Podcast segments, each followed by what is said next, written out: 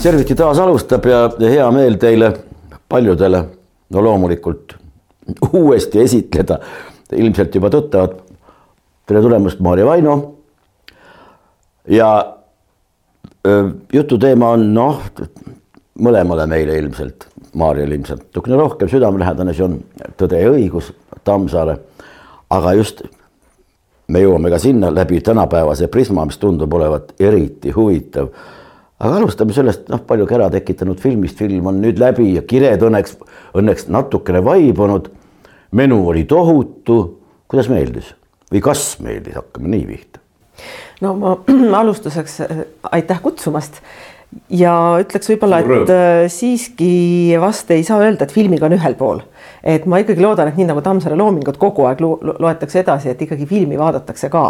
Nüüd edasi ka, et ei ole niimoodi, et nüüd eelmine aasta vaadati ära ja nüüd ongi ta vaadatud ja, ja rohkem me selle filmiga ei tegele, et et ma arvan, et film äh, peab ikka veel päris pikka aega vastu, isegi ju mõned äh, nõukogude ajal tehtud filmid, mis on äh, no tehniliselt aegunud ilmselgelt ja, ja mõned ka sisuliselt võib-olla seal selliste imelike rõhuasetustega on ju ikkagi veel hästi vaadatavad, et selles mõttes ähm, on kohe see esimene vastus see, et, et, et ilmselt ei saa öelda, et nüüd on filmiga nagu ühel pool, et vaatame sellele kui äh, kui minevikule, aga äh, mina kuulun põhimõtteliselt ikkagi jah sellesse leeri, kes leiab, et film on väga õnnestunud, sellepärast et äh, sellel on nii palju põhjuseid, esiteks esimene põhjus on see, et äh, Tammsaare romaan, kui me võtame ainult esimese osa, on niivõrd äh, mitmekihiline ja ta on tohutult äh, ka sündmusterohke, ta on algselt ju ikkagi olnud ligi umbes seal viissada lehekülge. ja ja kui teda niimoodi väga hoolikalt lugema hakata, ta koosneb ka väga paljudest sellistest episoodidest, et äh, siin üle kümne aasta tagasi me ükskord isegi korraldasime äh, koomiksi võistluse ettepanekuga lugeda Tammsaare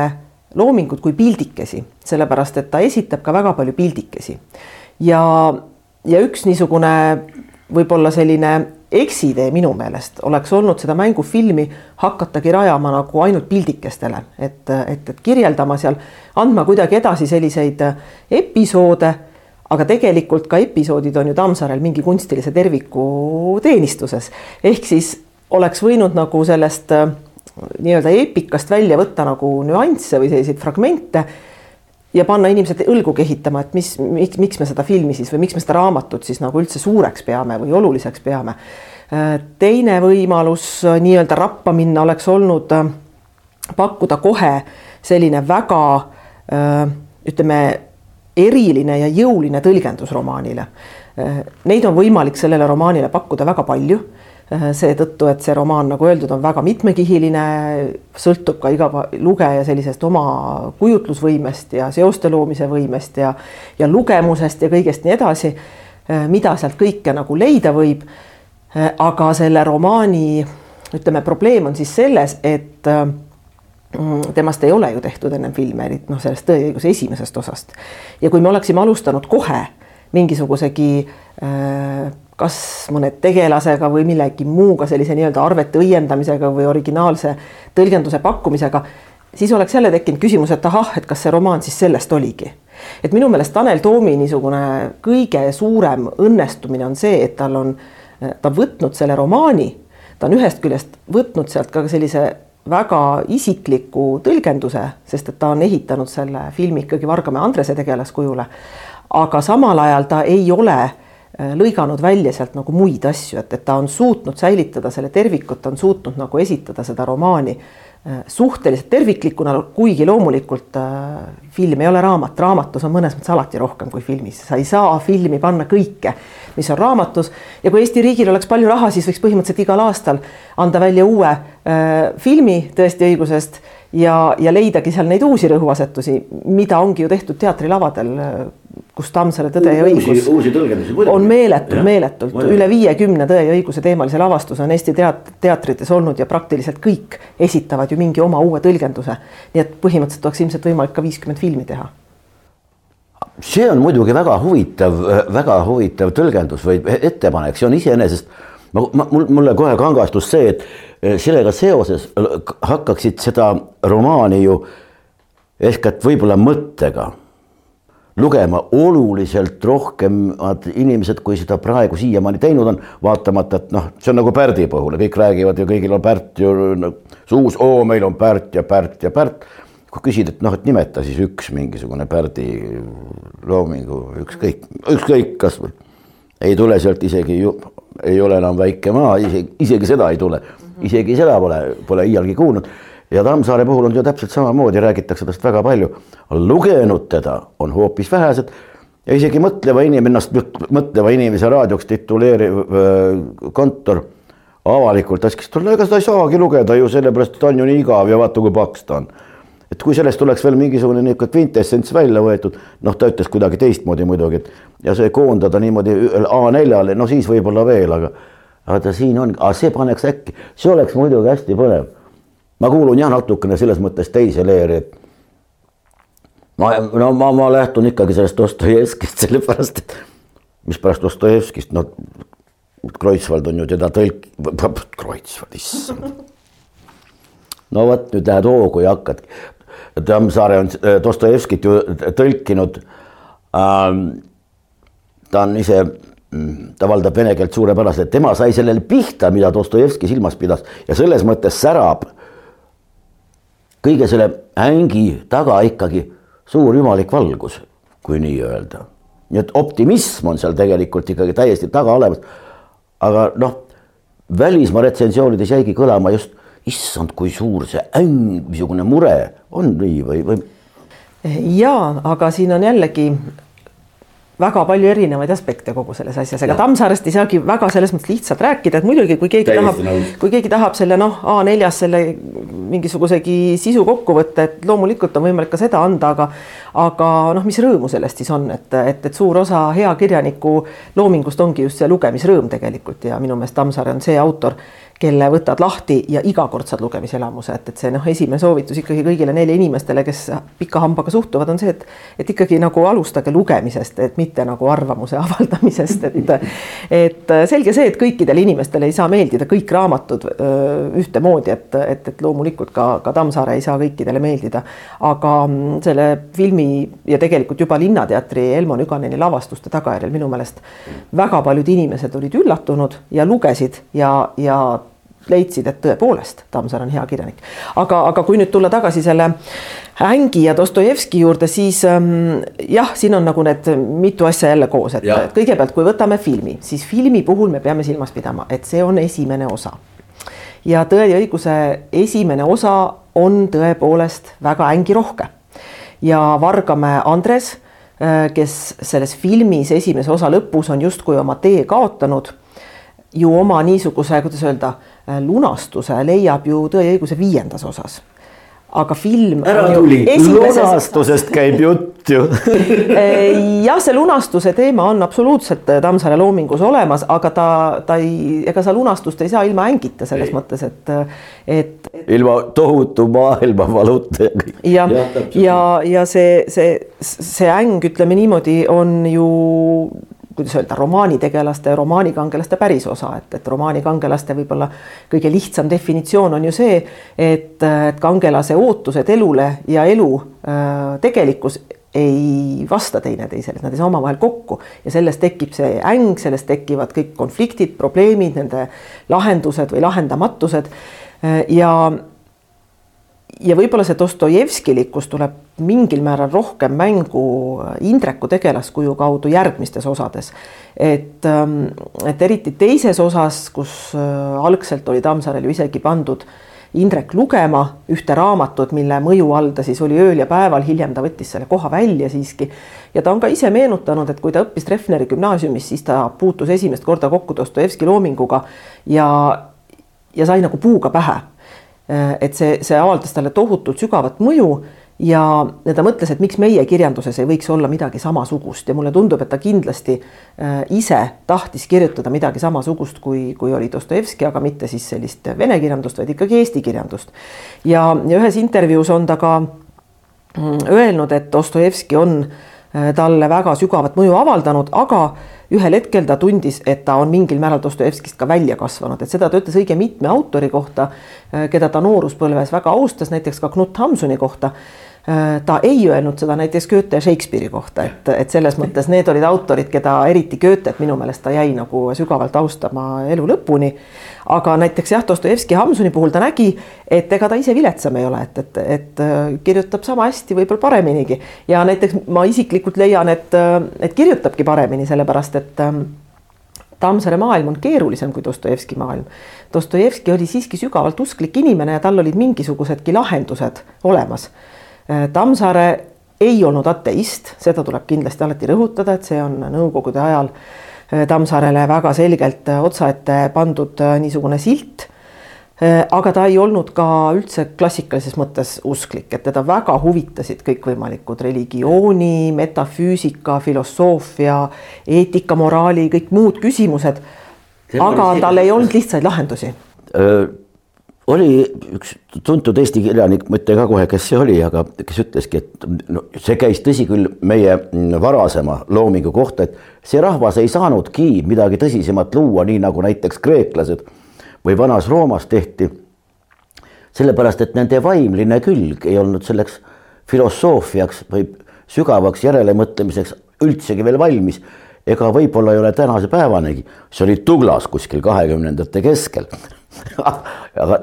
Tammsaare selle peale lajataski, et aga miks ei võiks? Ja palun väga, siin ta tuli. jah, no tegelikult isegi Tuglas ju juba alustas seda, Tuglas äh, ja. elas paguluses pikki, pikki aastaid äh, nägi teisi kultuure, äh, nägi ka seda, kuidas teised kultuurid on küllalt eneseküllased, nägi ka seda, et, et eestlast kui sellist mitte keegi ei tea ja kui küsitakse, et aga mis seal Eestis on või kes te olete, siis ei oska sellele ka väga-väga täpselt nagu vastata, sellepärast et tõepoolest Kalevipoeg võib-olla on öelda, aga sellist moodsat kirjandust ju ei olnud ja, ja võib-olla äh, moodsa kirjanduse mõtte tõigi ikkagi Tuglas, ta hakkas seda nii-öelda meil juurutama, et, et, et meil Eestis me võime ju tõesti samamoodi olla kultuurrahvas või kuldkultuurrahvas, nii et, et, et Tuglas on võib-olla selline Äh, kõrgkultuuri institutsionaalne juurutaja Eesti kultuuris olnud. jah, kõlab uhkelt, aga täpselt. jah, aga Tammsaare, ütleme siis täitis selle sisuga. et, et, et ikkagi Tõde ja õigus on, on romaan, mis muutis täitsa selgelt Eesti kirjandust, äh, Eesti kultuuri, Eesti, eestlaste minapilti ja, ja tõestas, et, et lihtne, tavaline, seni täiesti selliseks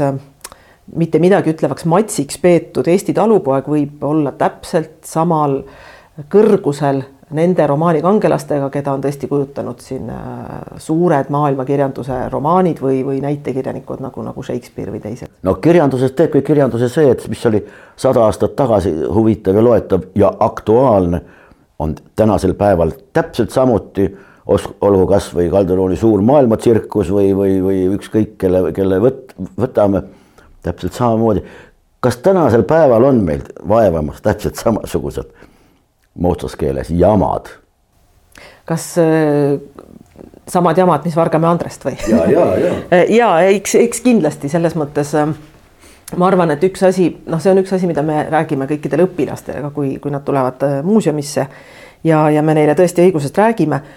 äh, on, on ütlemegi neile Tammsaare sõnadega, et, ähm, et Tammsaare oma seda romaani ei äh, kirjutanud ju selleks, et kirjeldada lihtsalt talupoja elu üheksateistkümnendal sajandil, et, et see on keskkond, kuhu ta oma tegelased paigutas, sest see keskkond oli tema tegelastele mm, tuttav. ja, ja kui ta kirjutaks seda romaani praegu, siis ta paigutaks nad hoopis teise keskkonda, et selles mõttes ta ei ole ajalooline romaan. tema eesmärgiks ei ole mingisugustki ajaloolist reaalsust otseselt meile kirjeldada, vaid tema eesmärk on meile kirjeldada inimest. Ja, ja kirjeldada inimest kõikides nendes mm, probleemides, mis on väga vähe muutunud, alates nendest vanadest kreeklastest, et, et, et need põhi, põhilised äh, kired ja, ja mured on ju ikka samad, et inimesed noh, armuvad, on kiuslikud, tahavad edu saavutada ähm,, tahavad nalja teha, vastupidi, võib-olla mõni ei taha nalja teha, et ühesõnaga kõik need, kõik need probleemid ja, ja ütleme, Andrese ja Pearu kaudu on Tammsaare loonud ju ka väga selgelt kaks, kaks sellist väga erinevat ellusuhtumist, mis omavahel põrkuvad. Ja seda me ju näeme kogu aeg, et, et ei ole olnud ju vist maailmas aega vähemalt mitte siin üheksateistkümnendal, kahekümnendal sajandil, kui mingisugusedki sarnased äh, ellusuhtumiste põrkumised ikka ja jälle välja ei kooruks. ja, ja Andrese ja Pearu tegelaste kaudu on Tammsaare need sellise nagu maailmavaatelise või, või ellusuhtumusliku põrkumise väga hästi nagu meile ära kirjeldanud või need tüübid meile loonud, et seetõttu see Andres ja Pearu, see igavene vastasseis, see on aktuaalne kogu aeg.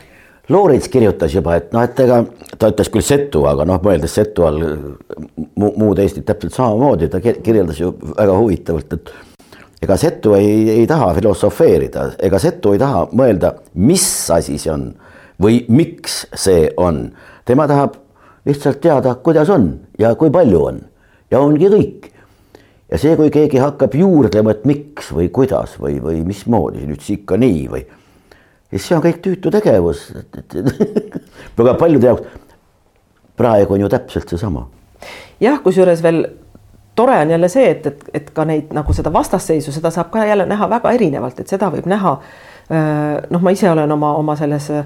doktoritöös välja toonud selle kõige niisuguse võib-olla põhimõttelisema vastasseisu äh, nii-öelda ratsionaalsus, irratsionaalsus, et, et, et Andres kui ratsionaalne tüüp, kes läheb Vargamäele, tal on plaan, ta kavandab seda elu seal ja, ja ta ei võta arvesse kõikvõimalikke ootamatusi, mis võivad tema ellu sekkuda, ta ei võta arvesse seda, et, et, et maastik ja loodus ei käitu nii, nagu talle sobib. ta ei võta arvesse, et äh, naaber on kiuslik, ta ei võta arvesse, et, et, et naine võib ära surra. ühesõnaga äh, neid selliseid äh, juhuslikkusi tema plaan ette ei näe. Ja seetõttu ongi tal kogu aeg väga raske, sellepärast et, et see elu, need juhused või see saatus, ükskõik kuidas me teda nimetame, ei arvesta sellega. Ja, ja Andres on nagu kogu aeg seetõttu niisuguses mm, seisundis, et, et, et jälle läheb midagi hoopis teisiti, kui tema plaanis. ja Pearu sealjuures on täiesti irratsionaalne tüüp, kes ei, justkui ei plaani, ei kavanda, kes on pigem emotsionaalne, tal on ükskõik, kui tal on vaja, ta sõidab omaenda värava maha, mis sellest, et see toob talle endale kahju, ta on valmis oma kaevu ära rikkuma kui see on au küsimus või ühesõnaga temal on nagu mingisugusedki täiesti teistsugused suhtumised Äh, ta on ka isu, ise ilusti öelnud, et, et, et elu on igav, kui nalja ei saa ja kasvõi, et tema näebki seda Vargamäed natuke kui mängulauda, äh, kus tema Andresega mängib, et see on nagu niisugune elu on mäng. Ja, ja see on võib-olla üks niisugune põhimõttelisem või, või, või algsem vastasseis, mis nende kahe tegelase puhul on. aga samal ajal võib seal ikkagi leida ka väga palju teistsuguseid vastasseise, et see, see ongi nüüd see, et, et seda noh, romaani ja neid tegelasi saab ikkagi väga-väga mitut moodi vaadata, mis on selle romaani suur väärtus. no vot imelik ongi selles mõttes, et noh, et ka meie noh, kõrgema ametimees, no mees ei saa vist öelda. president ju rääkis ka suure ja vägagi ametlikul moel, et Tammsaare ja kõik ja siis ütles, et vot, et, oleks kõigil sellist äh, ikkagi Tartu rahu sõlmimisel oli, oligi vaja just sellist väärulikku jäärapäisust. jäärapäine, tähendab, ta pööras selle pea peale tegeliku seisu, et jäärapäine oli hoopis see Andres, kes ei tahtnud neid juhuslikke olusid ega sealhulgas ka huumorit. absoluutselt sellest midagi ei kuulda, ei näha see oli vastupidi. aga huvitav ongi see, et see üks võib-olla niisugune tüüpide erinevus ongi see, et, et, et, et üks õpilane ütles väga toredasti ükskord, et kui ta, vot see on nüüd see, et, et kui tuleks ühe lausega võib-olla kokku võtta, et tema meelest Andres on nagu selline kahekümne sajand, kahekümnenda sajandi inimene ja Pearu kahekümne esimese sajandi inimene. et, et Andres on see nagu selline ja, no. ja see minu meelest oli see väga terane tähelepanek, et, et Andres tõepoolest on selline äh, väga sirgjooneliste põhimõtetega nagu kangelane sõna otseses mõttes ja, ja Pearu on, on tõesti selline natukene nagu veidrik ja tänapäeval on ka veidrikud moes, et, et tänapäeval ei ole selliste väga selgete põhimõtetega nagu kangelased moes, et neid isegi natukene nagu pilatakse, et et, et see on ka jälle üks nagu asi, mida tõenäoliselt Tammsaare ju ette ei näinud, aga mis uues ajastus võtab nagu sellised uued tähendused endale külge. nii et, et, et mulle tundubki, et ka mitmed niisugused Äh, teatrilavastused just siin äh, kahekümne esimesel sajandil on sellise positiivse tegelasena näinudki pigem Pearut, kes ei tööta ennast surnuks ja, ja kes tahab ikkagi nagu äh, ma ei tea, aasal istuda ja, ja mesilinnukeste suminat kuulata ja, ja kes on mõnes mõttes ju palju hellahingelisem kui Andres. et, et on hakatud nagu pea, Pearut nägema sellise nagu positiivsema tüübina, sest et, et Andres on tõesti selline kinnine töömaniak, kes,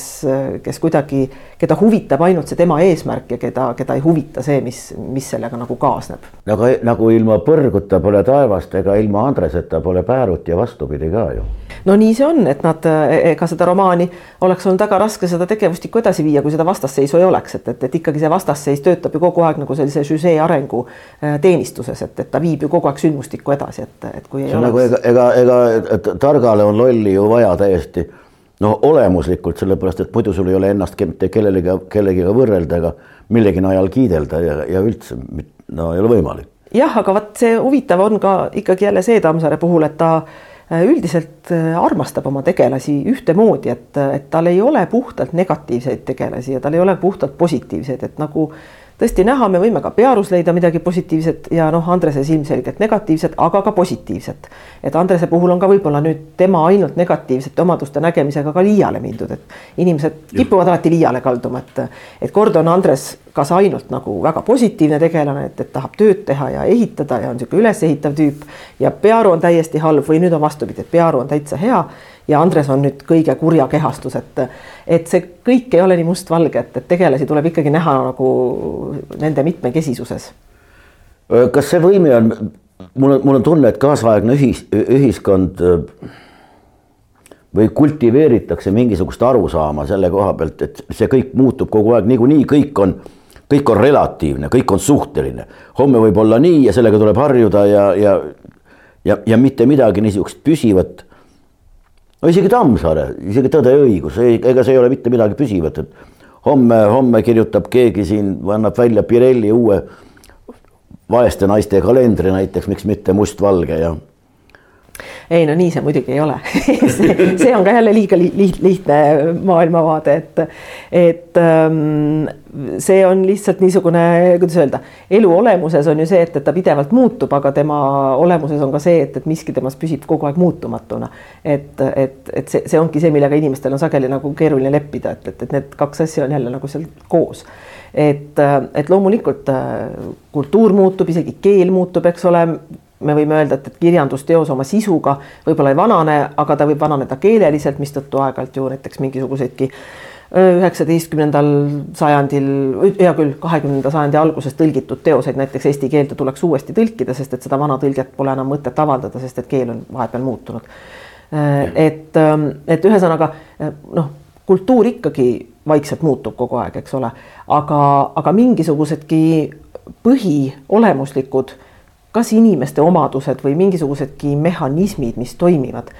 need ei kipu tegelikult muutuma, et need mingid mustrid kipuvad ikkagi olema ühesugused. ja, ja see ongi see, mis võib-olla mm, teeb ka ühest kirjandusteosest suhteliselt äh, aegumatu, kui ta suudab need mustrid ära tabada. et need mustrid töötavad ikka samamoodi, et me loeme ja me tunneme need mustrid ka oma elus ära, mis sellest, et need mustrid selles teoses töötavad mingisuguseski meile natukene juba võõraks jäänud keskkonnas, aga mustrid kui sellised on ikkagi samad. ja see, see tegelikult on see, mistõttu hea kirjandusteos ei aegu. aga kas selles mõttes nüüd on kaks kiuslikku küsimust, mis on mind vaevanud ja, ja ega mul, ega mul vastust ei ole loomulikult. Äh, kas Tõde ja õigust serveeritakse koolis liiga vara või üldse koolis või, või, või peaks selle jätma hilisemaks enda leidmiseks või on teine võimalus, et kas ei ole mitte õpilased lastud lihtsalt käest ära ja ei ole neid sellisteks küsimusteks ette valmistatud no,. sellepärast neile tundub, et see kõik igav, neile tundub see kõik kuidagimoodi noh, kuskil mingi, mingi muu asjaga. sellepärast, et uusilmunud mood või uus avatud kohvik on hoopis peibutavam või no ja see laiem küsimus on üldse see lugemis, lugemise harjumus, mis on taandunud või, või kuigi meie PISA testide puhul öeldakse, et, et meie õpilaste head tulemused tulevad sellest, et nad loevad. mul tuleb kohe niisugune kui PISA testist rääkima hakatakse. jah, et noh, et ühesõnaga, et need tervikteoste lugemine on, on üks nagu selle funktsionaalse lugemisoskuse Eh, niisugune tagatis, et sa ei loe mitte katkendeid, vaid sa loed tervikteost ja siis sa oskadki neid nagu seoseid näha või et, et sa, sa, sa suudad seda eh, lugeda, seda teost eh, nagu sisuliselt või mõttega, aga aga mis nüüd puudutab Tammsaaret, siis see on tõesti niisugune äh, keeruline küsimus, tähendab siiski minu meelest küsimuse alt väljas peaks olema see, et, et Tõde ja õigus peaks kooliprogrammis olema. sellepärast, et äh, kui teda ei õpetata koolis, siis kust see inimene ta üldse hiljem üles leiab. et, äh, et minu meelest meie koolides on praegu vägagi puudu nii või teisiti korralik kultuurilugu, et, et saadaks nagu ülevaade üldse sellest, kes on need meie kultuuri olulised äh, isikud mitte nüüd ainult siis ajaloolised isikud, keda loodetavasti vähemalt mingil määral õpetatakse siis ajalootunnis, eh, aga, aga üleüldiselt, et kes, kes on selle meie nii-öelda mm, kultuuri sellised selgrood või niisugused eh, postamendid, eh, mille, mille peal me siis tegelikult ka praegu seisame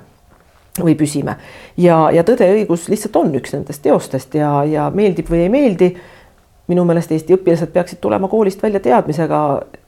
Nende peas peab olema see teadmine, et tõde ja õigus on olemas, isegi kui nad seda kohe koolis ei loe ja isegi kui nad loevad ja mõtlevad, et miks ma seda lugema pean. aga väga paljud inimesed loevad siis kunagi hiljem ja, ja siis nad saavad aru, et tõepoolest on hea raamat, aga nad ei hakkakski seda üldse lugema kui nad ei, kui neil ja, ei oleks seda teksti tutvustatud või seda kirjanikku tutvustatud, et siis nad ju ei teakski, et ta olemas on. ega me ei saa eeldada, et nad kuskilt internetist ilusal päeval leiavad info, et ohoo, on selline kirjanike raamat, et võiks lugeda. et see peab ikkagi olema hariduse osa, et, et ega haridus,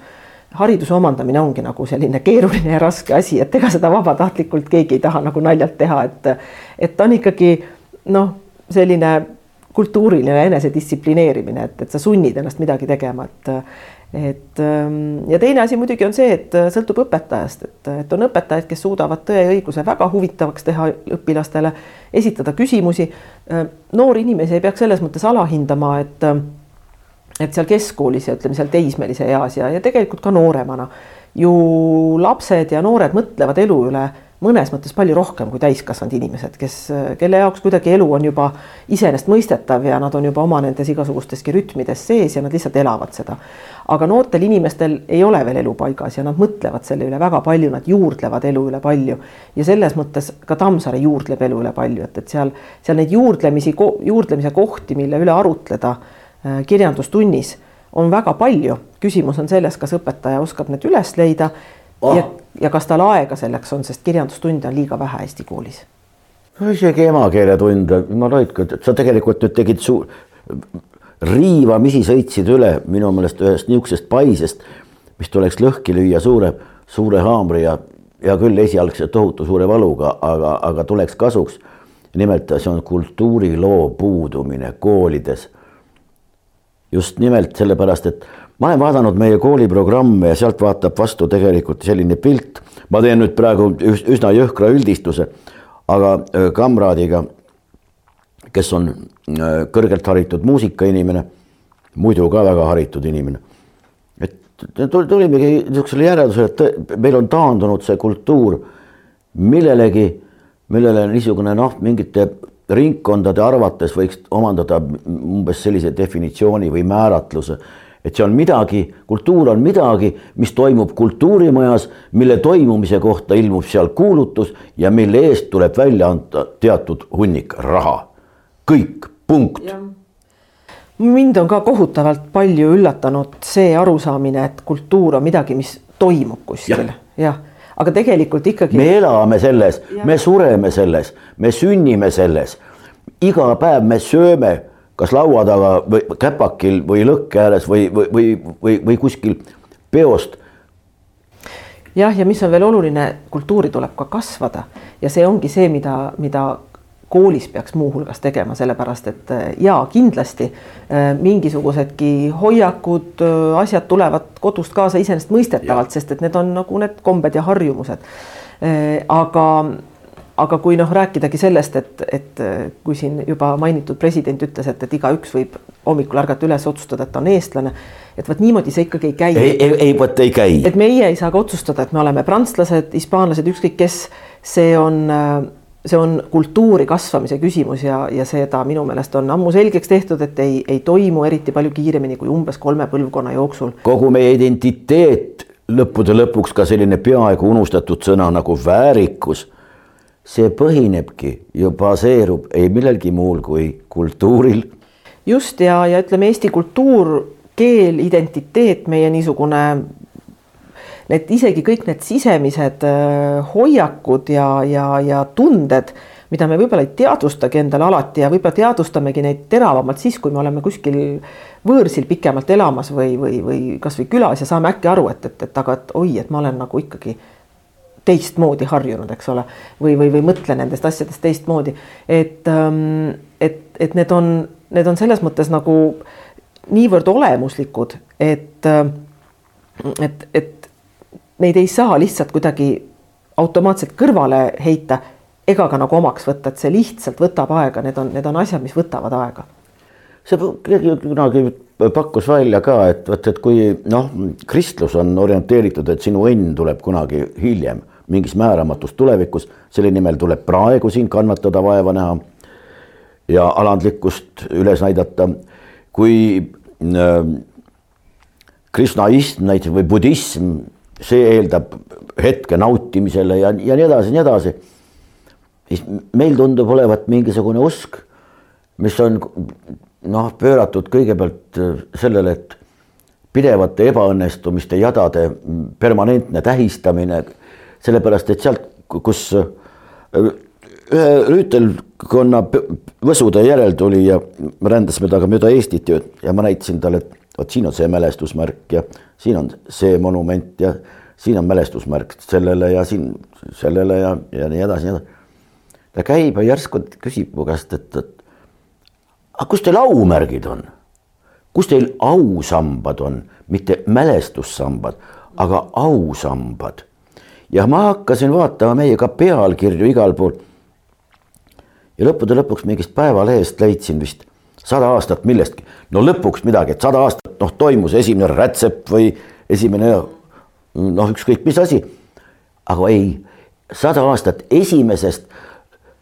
surm, surmajuhtumiga lõppenud liiklusõnnetusest Eestis, see oli ka mitte esimene auto, esimene auto töökoda, esimene auto võidusõit, ei sada aastat esimesest. ja siis, kui on monumentide juures mingisugune noh, mingi pidupäev, siis meiesugune tuleb sinna ja nutab. jah ja., see on, võib siis öelda, et see on kultuuri eripära, et, et, et nii. Under on kirjutanud selle kohta, et mis meid ühendab, lein. aga miks meid ei võiks ühendada rõõm ühise mingisuguse asja üle no ilmselt sellepärast, et leina on nii palju olnud Eesti ajaloos, et ega see, see noh, ma olen nagu nõus, et äh, kuidagi ise loomult optimist, et, et ei peaks vaatama tulevikku kogu aeg nagu sellise äh, ootusega, et tõenäoliselt ikkagi läheb nagu ainult halvemaks. Äh, aga samal ajal ei saa ju ka silmi sulgeda fakti ees, et, et Eesti ajaloos on olnud väga palju keerulisi ja leinarohkeid hetki, et, et, et seda on ikka olnud palju ja see, et niisugune mm,, niisugune noh, kannatus on olnud inimeste elu osa, see on lihtsalt fakt, et ega sinna mitte midagi teha ei saa ja küllap ta on ikkagi selle rahva hingeellu ka oma jälje jätnud. ja, ja võib-olla, võib-olla ka see, kuidas praegu on väga palju tegelikult proovitud pigem distantseeruda kogu Eesti ajaloost ja öeldudki, et nüüd elamegi ainult tulevikul ja unustame ära, et, et, et tegelikult ka sellist suhtumist, et, et, et meil ei olegi neid tähtpäevi, neid tähtpäevi unustatakse aina rohkem ära ja neid samu ajaloolisi isikuid ja kultuurilooliselt olulisi asju ka pigem ju unustatakse kogu aeg aina rohkem ära, et praegu mulle tundub, et pigem üritatakse kõik ära unustada, et, et siis nagu selle ilusa helge tuleviku poole kapata. aga see tuleb ka kuidagi tuttav ette, see lõppes mingi jamaga. jah, aga see lihtsalt äh, ei kao ju kuhugile, et ega siis noh mingisugunegi noh, ka ikka inimene ise on ju tervik, et, et kui sul on nagu olnud minevikus raskeid hetki, siis sa pead ju ikkagi noh, nad on sinu osa, isegi kui sa eitad neid, et, et selles ja. mõttes sa pead ikkagi kuidagi nendega tegelema, et sa saaks nendega koos sinna tulevikku minna, mitte see, et, et, et kas unustame ära, eitame, kirjutame ümber, teeme taga midagi, et, et, et see, see, see pole ju mingi lahendus mu, mu vara lahkunud hea sõber äh, Hardo Aasmäe ütles alati, et noh, et millegipärast ei ole see kuskile otsa saanud omaaegne hüüdlause selle kohta, et õhus hõljub helge tuleviku möödapääsmatu lähenemise kindlaid tunnusmärke, et niisugune. aga võib-olla, kas selles ei olegi mingisugust fenomeni, siinse rahva fenomeni, nende Pääru ja Andrese pidevas vastas ja, ja permanentses vastasseisus. tänu sellele võib, et tänu sellele ongi säilitud või ellu jäädud või kuidagimoodi või ja ei no selline. mingi see, positiivne iva. see kangus on ikkagi see, mis selles Andreses ja Pearus on, see kangus on absoluutselt kindlasti eestlastele omane tunnusjoon, see on sinna romaani väga hästi sisse kirjutatud. ja, ja mulle meeldib, ma kunagi lugesin eh, ühte sõnastikku et me oleme ikkagi harjunud rääkima alati sellest, kuidas eesti keel on teistest keeltest, mis sõnu on üle võetud ja mis on meil muganenud. aga lugesin baltisakslaste sõnastikku, kus oli äh, väljendeid või sõnu äh,, mida baltisakslased on eesti keelest oma, oma kõnekeelde või noh, oma, oma keelde nagu äh, üle võtnud ja, ja eriti mulle meeldis, et üks nendest väljenditest oli jonni pärast jonni pärast. jah, jonni pärast, neil oli ööga jonni pärast, et, et see on nagu tõesti, et, et, et, et vähe, vähe neid asju on, millega nagu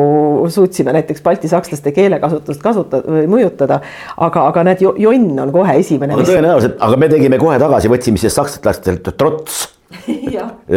mis on eesti keeles trotsi nime all tuntud. et, et ühesõnaga no see, see mingisugunegi sisemine kangus on olemas ja, ja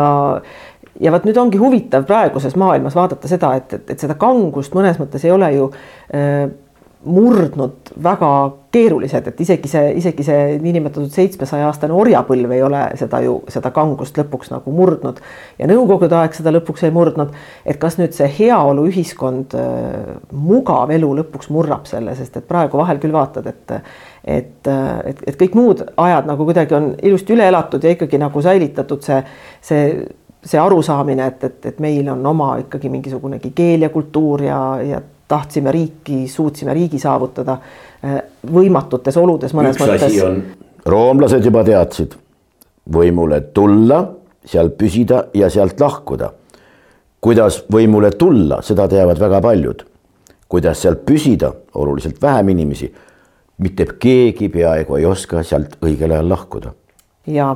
no selles mõttes jällegi tasub öelda inimestele, et lugege Tammsaaret ja lugege ja. mitte ainult Tõde ja õigust, vaid lugege Tammsaare publitsistikat, eriti kolmekümnendate aastate publitsistikat, kus ta ikkagi väga palju valutab südant sellepärast, et äh, eestlastel on puudunud äh, kogemus demokraatlikust riigist. mul on siiralt hea meel, et me lõpuks jõudsime ka selle publitsistika juurde. see on midagi, ma olen, ma olen seda jälle uuesti üle lehitsenud ja jäänudki teinekord lugema see on nagu eile kirjutatud. ja no isegi täna. või isegi täna suur,. suur-suur tänu, Maarja tulemast ja, ja ma, ma usun, et ma usun, et siinsed organisaatorid ei pane pahaks, kui me nendel teemadel kunagi veel juttu teeme, sellepärast et seda juttu võiks rääkida peaaegu et lõpmatuseni ja ma kujutan ette, et võib-olla paneb see mõne peas mingisuguse kellukese äkki niisugusest minoorist mažoori äkki heliseme ka aitäh kutsumast, loodame. tore suur,, suur-suur tänu, aitäh